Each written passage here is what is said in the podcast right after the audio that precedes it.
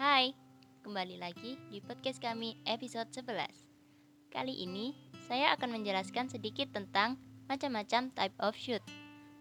Oke langsung aja aku jelasin ya. Type of shoot memiliki tujuh macam Yaitu establishing shoot, long shoot, medium shoot, medium close up, close up, extreme close up, dan two shoot. Nah, sekarang aku bakalan jelasin satu persatu type of shoot-nya. Yang pertama, establishing shoot. Establishing shoot adalah bidikan sangat lebar yang digunakan di awal urutan.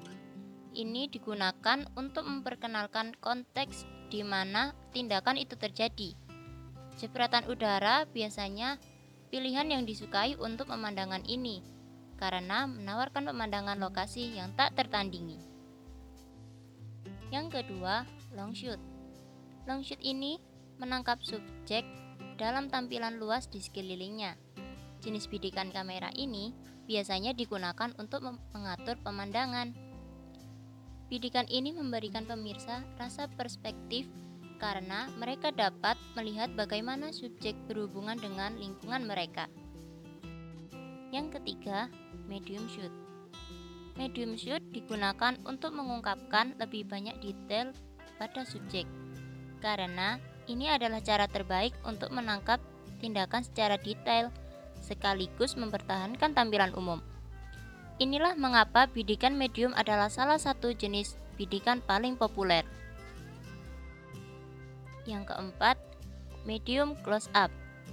Pengambilan gambar medium close up ini membingkai subjek dari dada ke atas biasanya digunakan untuk menangkap detail yang cukup pada wajah subjek saja.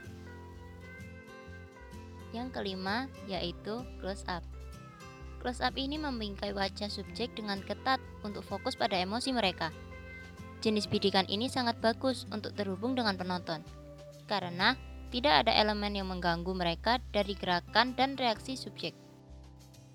Oke, selanjutnya yang keenam yaitu extreme close up. Dalam extreme close up, detail subjek memenuhi seluruh bingkai. Extreme close up ini digunakan untuk menekan fitur atau tindakan tertentu. Nah, yang terakhir nih, yang ketujuh, yaitu two shoot. Two shoot ini mencakup dua subjek dalam bingkai. Mereka tidak harus bersebelahan atau diberi perlakuan yang sama. Dalam banyak contoh dari two shoot, satu subjek ditempatkan di latar depan dan yang lainnya di latar belakang. Oke sahabat Rau, segitu dulu ya penjelasan dari aku. Terima kasih buat para pendengar yang udah mau dengerin ini.